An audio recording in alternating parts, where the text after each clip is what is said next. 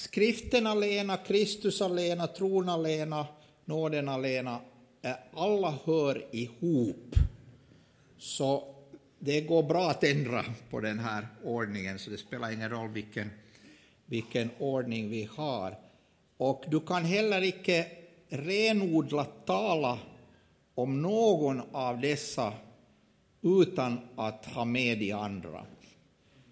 Och det, dessutom är det historiskt så att du finner inte de här uttrycken precis alla så här uttryckta i reformatorernas skrifter, utan det är mera sådana samlade slagord som man ta, har tagit till lite senare och säger att detta, dessa alena, dessa solas, de, de, de väldigt klart uttrycker reformationens teologi. Så det är definitivt så att de bygger på den, eh, den tron och de också i någon mån används direkt bland reformatorerna.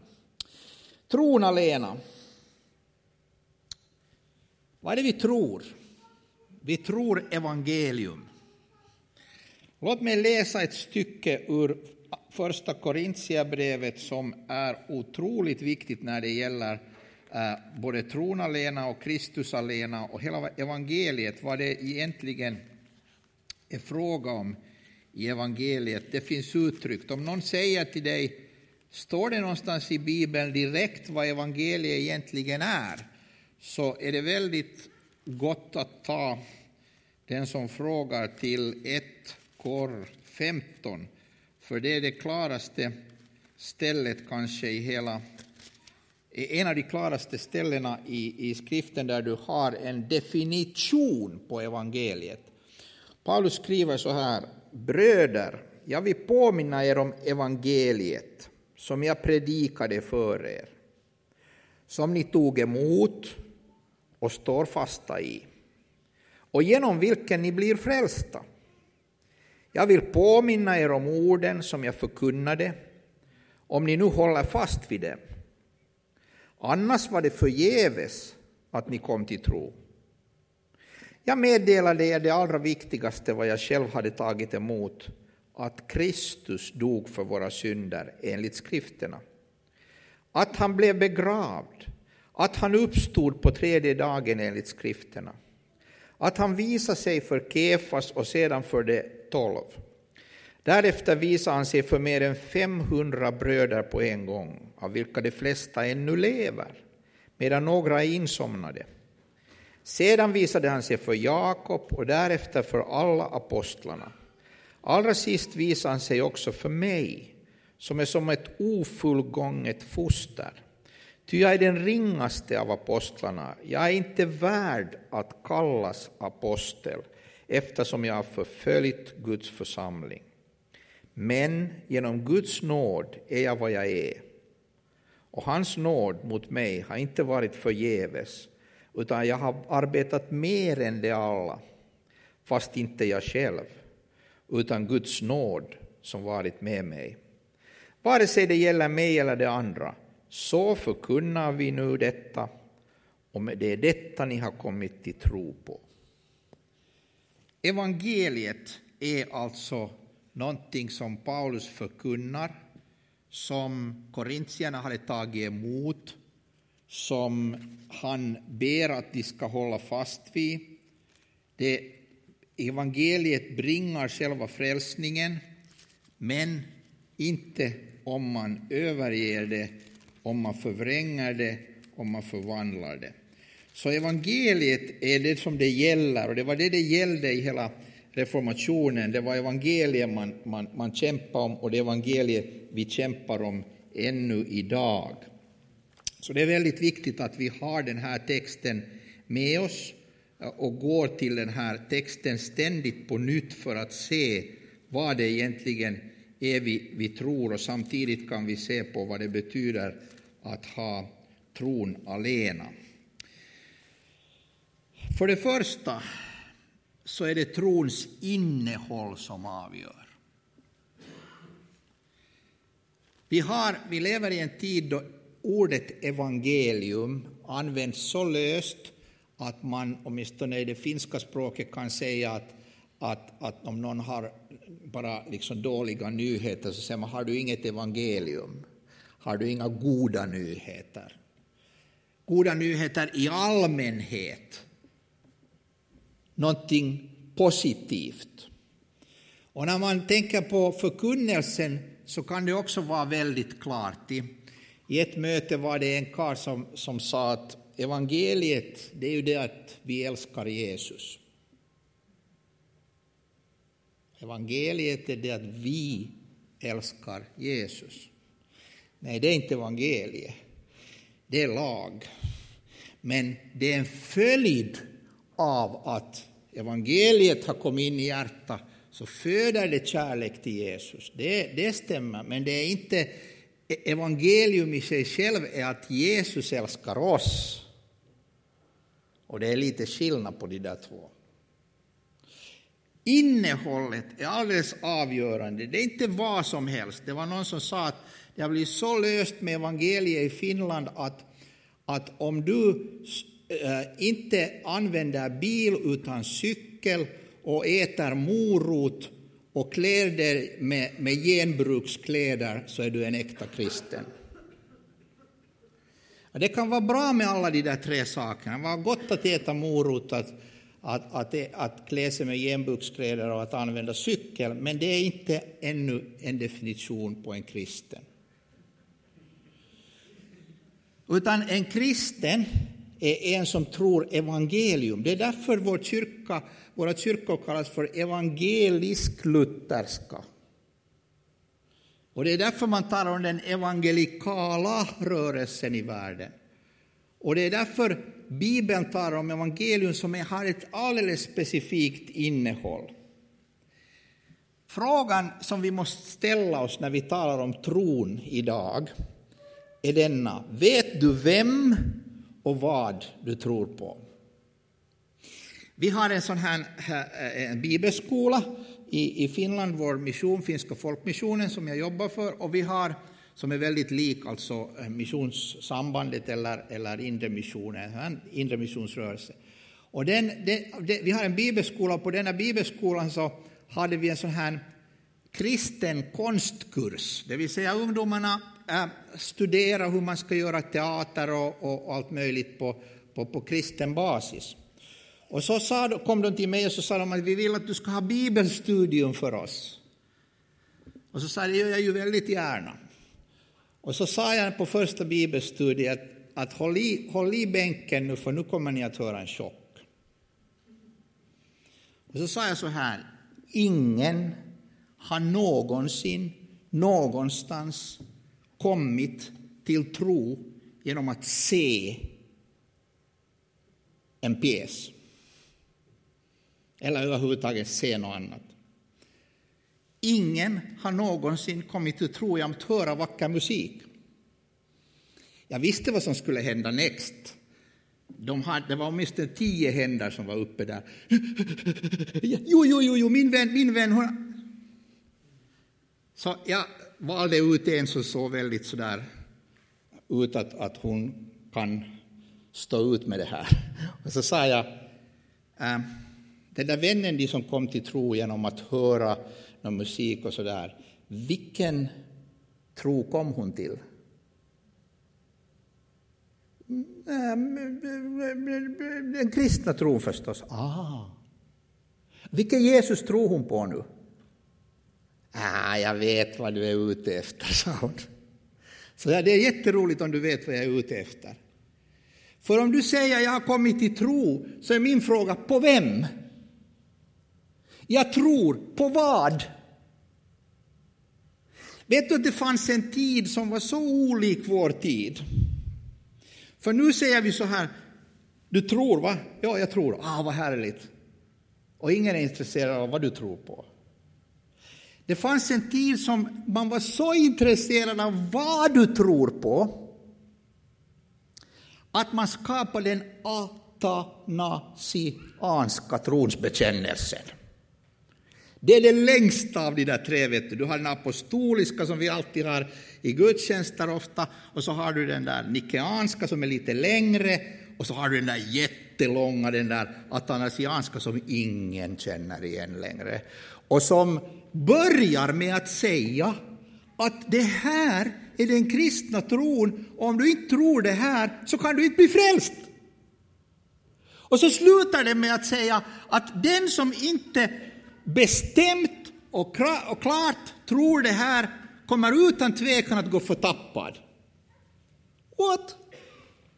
Det är, liksom, det är som man blir helt, vad, vad i hela världen är det här? Jo, min vän, det var en tid då man tänkte att det är bäst att vi definierar nu, för snart tappar alla den, eh, vad som den kristna tron egentligen var. Så nu ska vi definiera att Jesus, han var Gud, han var precis lika mycket Gud som Fadern, den heliga Ande var en gudomlig ande och så vidare. Så vidare, och så vidare. Man definierar tron väldigt noggrant och klart. Och så sa man, det är det här du ska tro. Nu, nu, står jag inte här och säger att om du inte kommer ihåg den atanasianska trosbekännelsen så kan du inte vara kristen. Jag står inte heller här och säger att om du inte kan den utan till, om du inte eh, liksom, om du läser den första gången och inte förstår allt så kan du inte vara kristen. För de här trosbekännelserna, de är inte, de är inte skrivna den vägen att du skriver en lång trosbekännelse och så ska du lära dig den utan till. Det är väldigt bra om du gör det, men de är inte skrivna den vägen, utan de är skrivna den vägen att detta är den kristna tron. Och om du riktigt tänker ut vad det betyder så kommer det till att Jesus är Gud, som den ikeanska bekännelsen säger, Gud av Gud, ljus av Gud, sann Gud av sann Gud. Varför håller man på så där? Varför kan det inte räcka med att säga Jesus är Gud, punkt? Jo, därför att när de kämpade i Nikea så, var, så sa man att Jesus är Gud, så sa alla mm, ja, ja, det, är, det är bra, det är bra. Ja. Men så var det en sån här, äh, vänta lite, i våra trakter så finns det en grupp och de säger att Jesus nu är Gud, men han är inte riktigt lika Gud som Fadern. Okej, okay, kanske vi borde skriva in han är Gud av Gud, ljus av ljus. Ja, det där är bra, så kan jag berätta för dem sen hemma. Men så kom en annan hand upp och sa, jo men det finns vissa som säger, som går med på allt det där, han är Gud, han är Gud av Gud, han är ljus av ljus, men han är ändå på ett annat sätt Gud än Fadern Gud. Han är inte liksom riktigt lika gudomlig. Alltså, Okej, okay. då sätter vi in, han är sann Gud, av sann Gud. Okej, okay, det där är bra. Det är bra. Det är bra. Och så här höll man på därför att man försökte parera sig mot villäror. Du säger att varför ska man hålla på så där? Jo, det är ganska viktigt om du älskar Jesus. Vad menar du? No, låt oss ta ett banalt exempel. Du älskar din fru, okej? Okay? Och sen var bor hon? i Finland. Min fru. Okej. Okay. Men det finns ganska många som bor i Finland. Så jag vill ha lite mer. När hon bor i Finland, hon heter Irene. Okej, okay. det är bra. Ingen som bor i Finland och inte heter Irene är alltså rätt kvinna. Ja. Men det finns ganska många i Finland som heter Irene. Okej, okay, hon heter Irene Mirjami Nummela. Okej? Okay. Nu har vi det ganska noga. Men det finns faktiskt någon som heter Irene Mirjami Nummela. Så risken är där att jag fortfarande inte hittar hem. Så vad ska jag göra? Irene Mirjami Nummela som bor på Linnustajan polku. Jag vet inte om det har något svenskt namn, vår gata, eller så nu. Uh, och så ser du, där bor, där bor hon. Men tänk om den där andra Irene Miriam bor på samma gata. Så då måste du säga det är Linnustian polku fem, inte fyra, inte tre, utan fem. Jo, men det är ett radhus. Så det här är sex olika bostäder. Så du måste säga Linnustempo fem, bostad sex. Och så är det den där vackra kvinnan som öppnar. Ja. Okej. Okay. Nu är vi ganska nära. Förstår du min poäng? Det går inte att du bara kör med att Jesus, jag tror på Jesus. Vilken då Jesus? Nå, eh, Jesus astronauten, som man talar om i en tid, Jesus hippin som man talar om i en tid, Jesus den transsexuelle som vissa talar om, Jesus revolutionären som vissa talar om. Vilken Jesus? Nå, den bibliska Jesus. Vilken bibliska Jesus? Liberalteologernas bibliska Jesus, Jehovas vittnes bibliska Jesus. Vilken bibliska Jesus? Den bibliska Jesus som Paulus, Johannes definierar så väldigt tydligt är Gud av Gud själv. Så när jag mötte två Jehovas vittnen senast i ett tåg och så började vi prata och så sa de till, eh, började de prata med mig så sa jag att får jag fråga er en sak innan vi går vidare? Så sa de, det får du gärna, om Bibeln. Min fråga är denna, om jag visar er sex ställen i Nya testamentet där det står uttryckligt att Jesus är Gud, tror ni det då?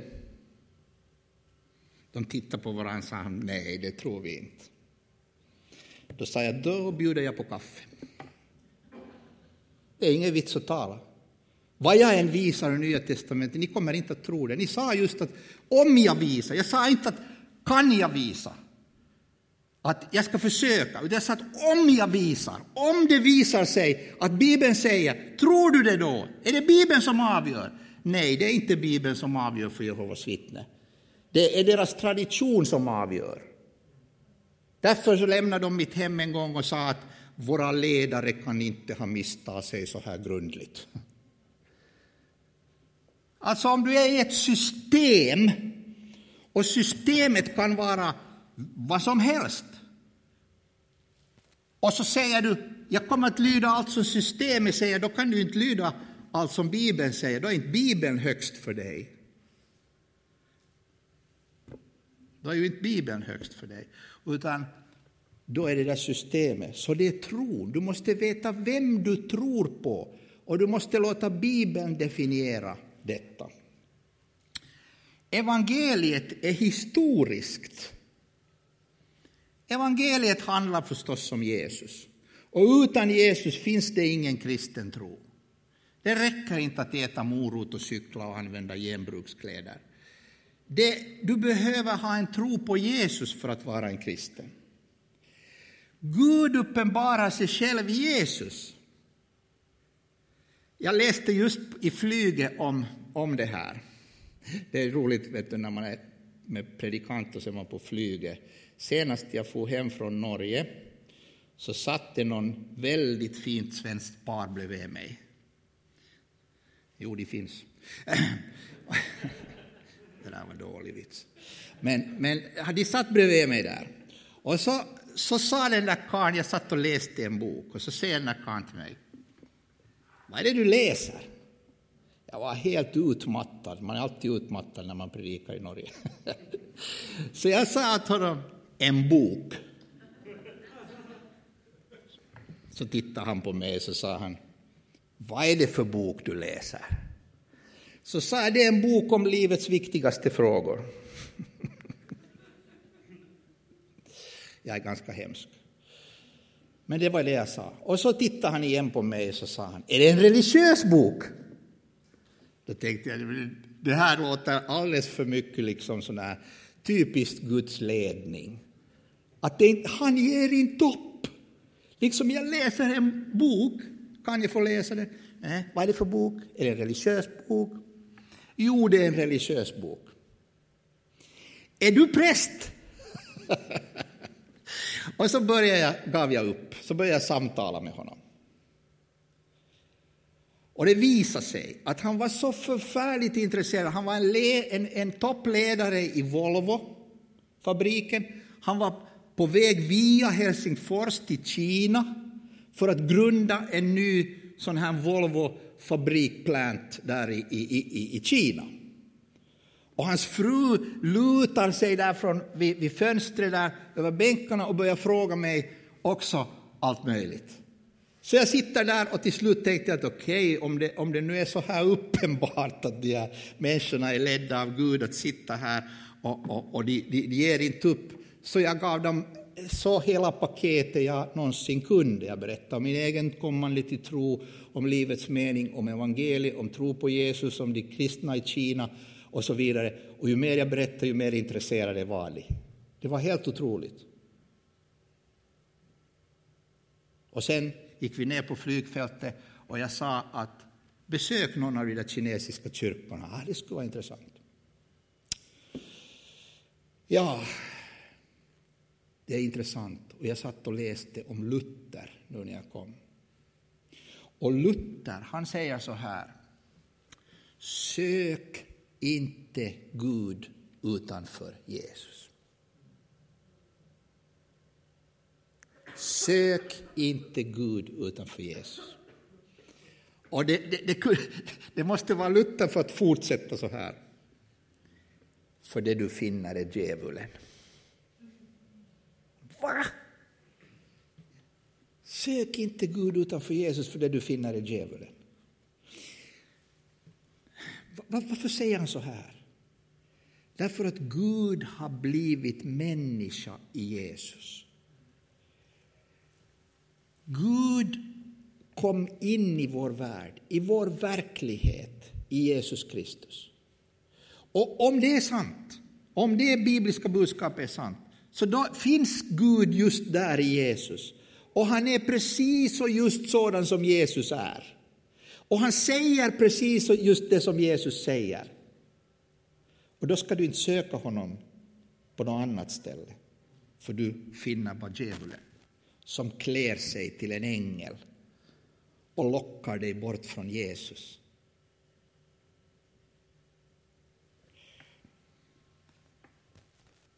Evangeliet är så historiskt. Allt hände i tid och rum i Nya testamentet. Det är inga sådana förunderliga saker som sker någonstans i himlen och ingen vet, utan det är här. Jesus går på denna jord, han sover, han äter, han, han blöder på korset, han talar. Eh, Johannes eh, första brev öppnar så väldigt kraftigt och det är klart att Johannes är så eh, tagen av det han har upplevt att det är därför han skriver så här väldigt kraftigt att det som var från begynnelsen, det vi har hört, det vi med egna ögon har sett, det vi inte bara en gång utan det vi skådade, det vi med våra händer rörde vi, om livets ord är det vi vittnar. Alltså, Johannes säger att när Gud blev människa i Jesus så var det så konkret att han var här. Så nästa gång någon säger till dig, varför visar sig Gud inte? Så ska du svara ödmjukt, hur många gånger tycker du han skulle göra det? För han har kommit hit, han har varit här mitt ibland oss.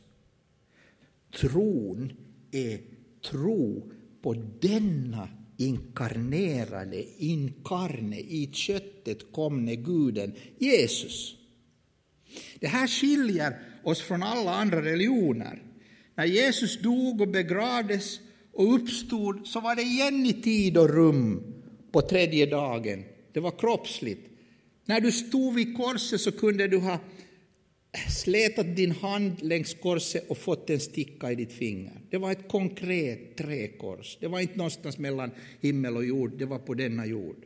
När Jesus stod upp från de döda så var graven tom. Graven var tom.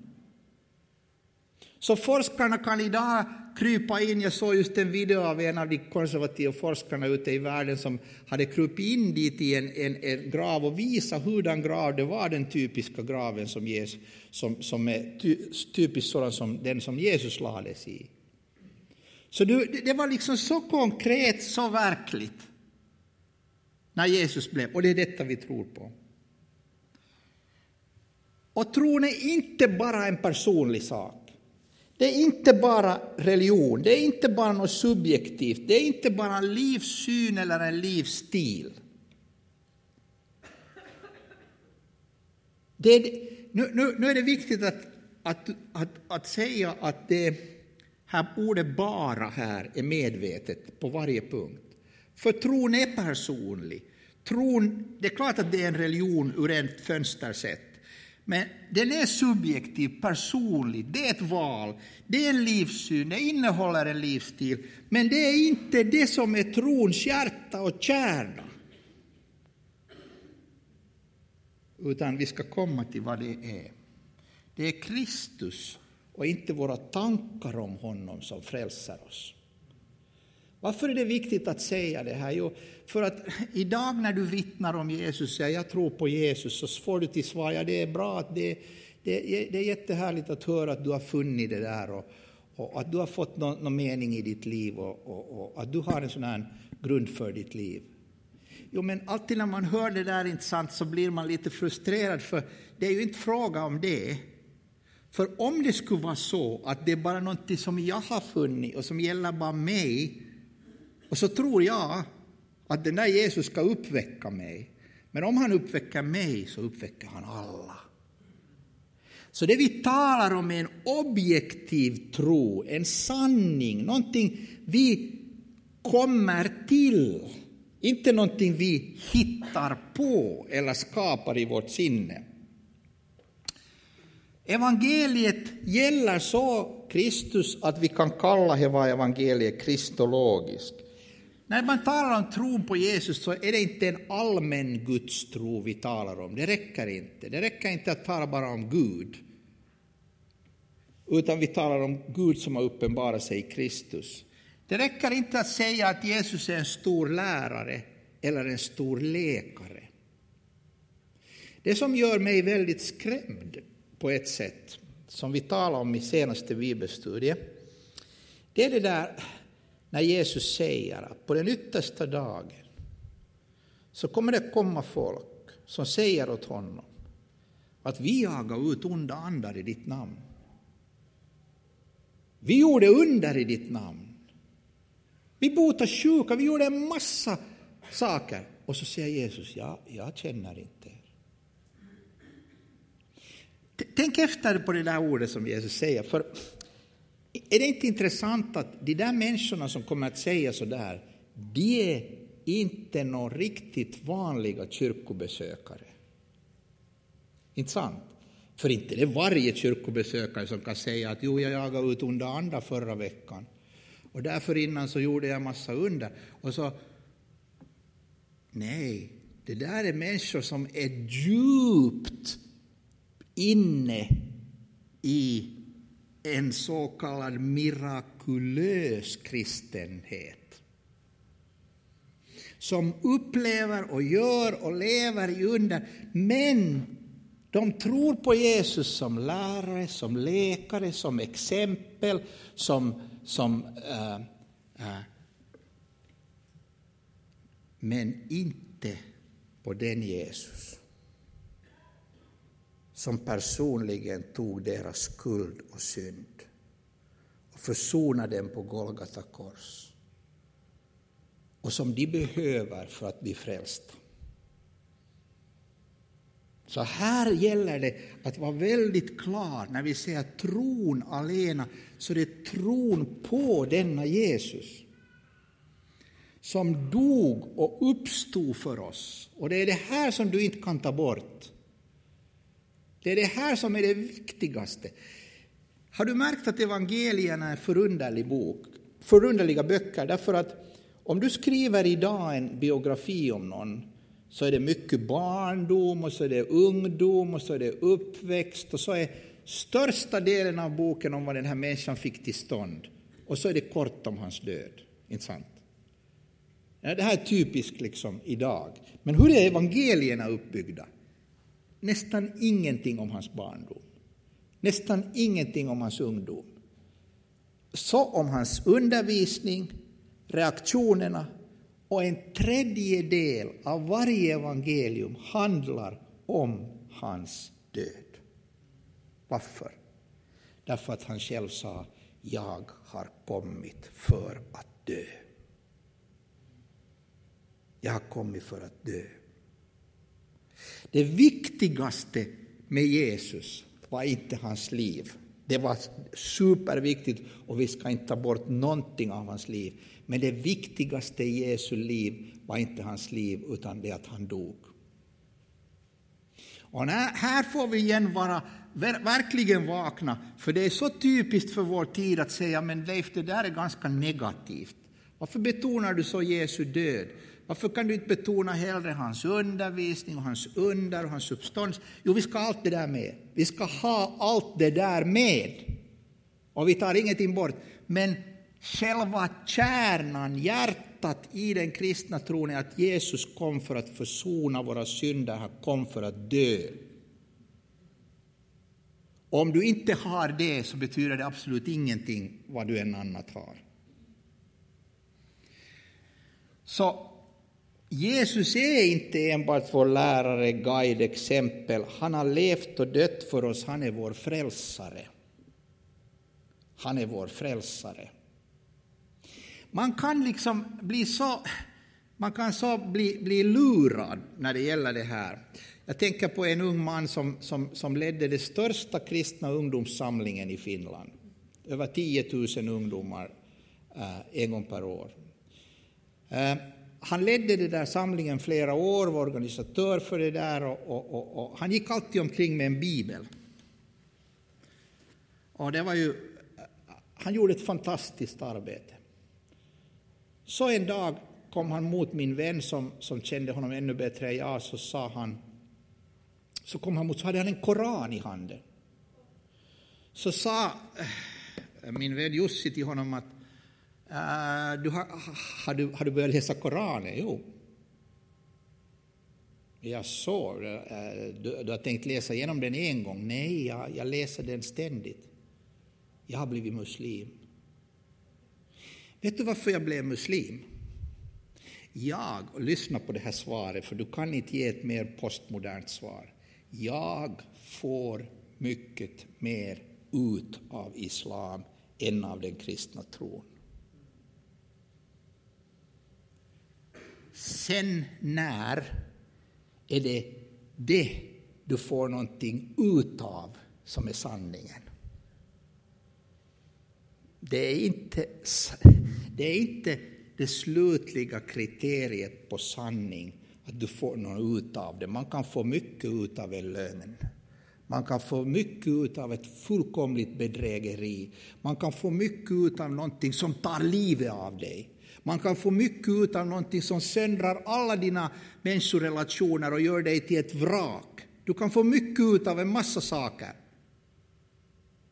Den kristna tron är inte därför att vi får så mycket ut av den. Den är därför att vi får förlåtelse för våra synder som annars förtappar oss i ett evigt helvete. Jag vädjar att du tänker och ber och läser Guds ord för att komma tillbaks till den kristna helhetssynen som vi håller på att tappa. Att man har sådana olika, det kommer en ena rörelsen efter den andra som betonar någonting och drar det helt ut av balans. Och vi måste tillbaks till det att Jesus är den som dog för oss för att betala våra skulder. Och så uppstod han från de döda. Evangeliet är Gud-centrerat, inte jag-centrerat. Jag har länge planerat en artikel i vårt blad, men, men de andra journalisterna har inte gett mig lov att, att, att publicera det ännu. Men jag har planerat, jag förklarar för dem att en dag vill jag publicera en postmodern artikel. Och den postmoderna artikeln är en hel sida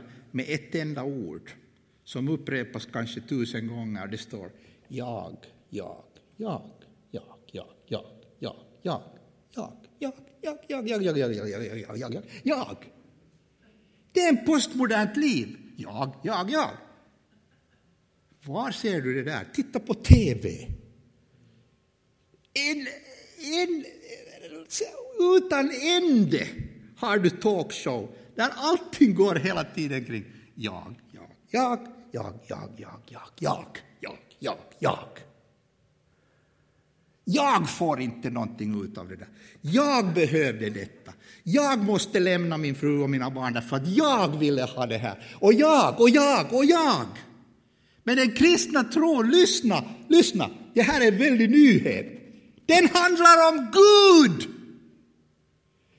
Det handlar om att det finns en skapare som är mäktig, fantastisk person, så, så fantastisk att vi vet bara så där lite, lite, lite om honom. Och det lilla, lilla vi vet, det exploderar hela vårt förnuft.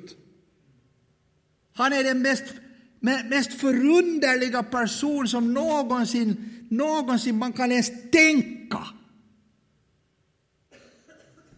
Och det handlar om honom. Att han skapade oss, att han inte lämnar oss när vi i vår absolut obeskrivbara hybris ställde upp mot honom och sa jag vill inte lyda dig. Så kommer han ner. Och så kommer han till ett kors. Och så dör han för oss. Detta evangelium. Det handlar inte om Leif. Det handlar inte om dig. Det handlar om Jesus, om Gud. Och det förunderliga av allt förunderligt är att vi små, små, små människor får vara med. Att han överhuvudtaget adresserar oss och säger jag förlåter dig, jag älskar dig. Att på denna lilla planet, det var en som förklarade för mig att, att, att hur kan du liksom tro att det här, att det är, det är, så, det är så dumt, du kan tänka dig att tänk nu, du har ett enormt världsalt som vi inte författar hur stort det är. Och vi, vi kan liksom, vi kan inte på något sätt liksom eh, fånga in hur liksom kärnhimlar efter kärnhimlar efter kärnhimlar efter kärnhimlar. Och så på en liten, liten kant finns en liten, liten planet. Och på den lilla, lilla planeten finns ett litet, litet land. Och i det lilla, lilla landet bor en liten, liten pojke eller en flicka. Och Gud har så kärlek till denna lilla människa att han lämnar världsalltet och stiger ner på denna planet. Detta evangelium. Han blir människa och han dör för att han älskar dig, för att han vill förlåta dig. Det handlar inte om dig, det handlar om honom. Och du bara kommer liksom in och så blir du fascinerad för resten av ditt liv av det där. Ni är alla så unga så eh, vissa närmar sig min ålder, men om du har varit med så länge som jag så vet du att vi är inte kristna för varandras skull. Vi är inte kristna därför att vi är så fantastiska. Men att det är jag, jag, jag ser väldigt fina kristna, jag känner väldigt fina kristna. Men om jag riktigt pressas mot väggen så är det inte för en enda kristens skull som jag är kristen, utan det är för Jesus skull. Det är därför att jag har aldrig någonsin hört, sett eller mött någon som ens liksom, orden tar slut, för det finns ingen som ens närmar sig honom. Och det är honom vi tror på. Det är honom vi följer, det är honom vi tillber. Det är honom vi ger vårt allt. Det är honom vi tar emot förlåtelse av. Han är evangeliet. Och du får komma, tänk du får komma av tron alena. Det är så ofattbart. Tänk att du, du man skulle kunna tänka att om presidenten kallar in mig så, så, så måste jag först liksom gå till, till, till, till någonstans och klä mig och lära mig klä mig. Och, och så måste jag gå till någon barberare. Ja, liksom det är en väldig förberedelse. Vet du vad Luther säger? Låt mig avsluta med det här. Han säger evangeliet. Det är som när en kung förälskar sig i en slav kvinna.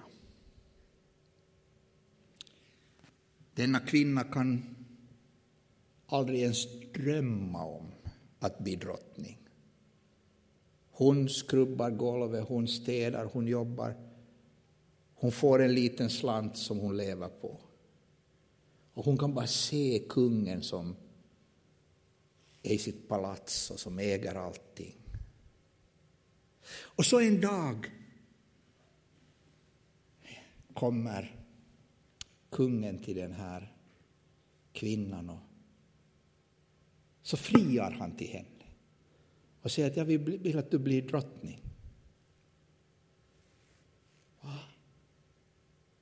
Jag vill att du kommer till hovet, till, till slottet. Och sen när hon kommer dit och hon gifter sig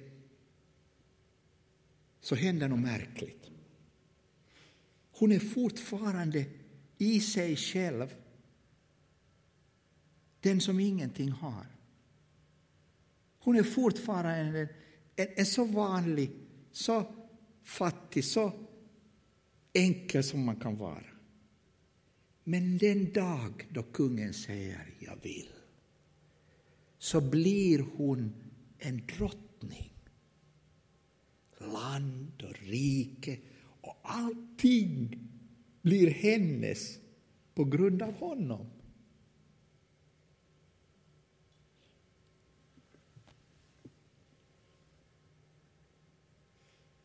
Och han, han tar henne till sin egen. Hon får allt han har, han får allt hon är. Och så blir hon drottning. Och så står hon där och är helt förundrad över vad som har skett. Och det är evangelium. Det är evangelium att Jesus kommer till dig och han ger dig allt. På den här punkten så frågar vårt fallna sinne oftast så här. Okej, okay. men om det är så där så betyder det att jag kan leva hur jag vill? Vilken fråga. Jag menar, tror du att den här slavkvinnan den dagen hon står där med tårar i ögonen med sin kung och har plötsligt blivit drottning, tror du att hon liksom, den första tanken i hennes huvud får jag nu leva hur jag vill? Jag tror hennes första tanke är, jag, jag, jag, jag vill lära mig att leva som en drottning. Jag vill lära mig, jag vet inte hur man ska leva som en drottning, jag vet inte hur man ska gå, hur man ska sitta, hur man ska tala. Det är som en, en, en, en kille som kom till tro i vår mission och så satt vi en grupp karlar och så sa han att, att nu får ni, ni berätta för mig för jag har ingen aning om hur man ska leva som kristen. jag har ingen aning om, jag har levt hela mitt liv främmande för Jesus och allt vad evangelium har. Hur ska man leva som en kristen? Jo, det är en vettig fråga, det är rätt fråga. Det är fullkomligt fel fråga, får jag nu göra vad jag vill? Det liksom visar att du ingenting har förstått än av vad som har skett, att du har fått allting i Jesus. Att tron har kopplat kungen och slaven. Tron har kopplat den som äger allt och bestämmer över allt med den som ingen makt och ingenting hade. Och så blir vi Guds barn. Vilken rikedom, vilken förmån. Så vad som än händer i ditt liv så har du Jesus, så har du allt.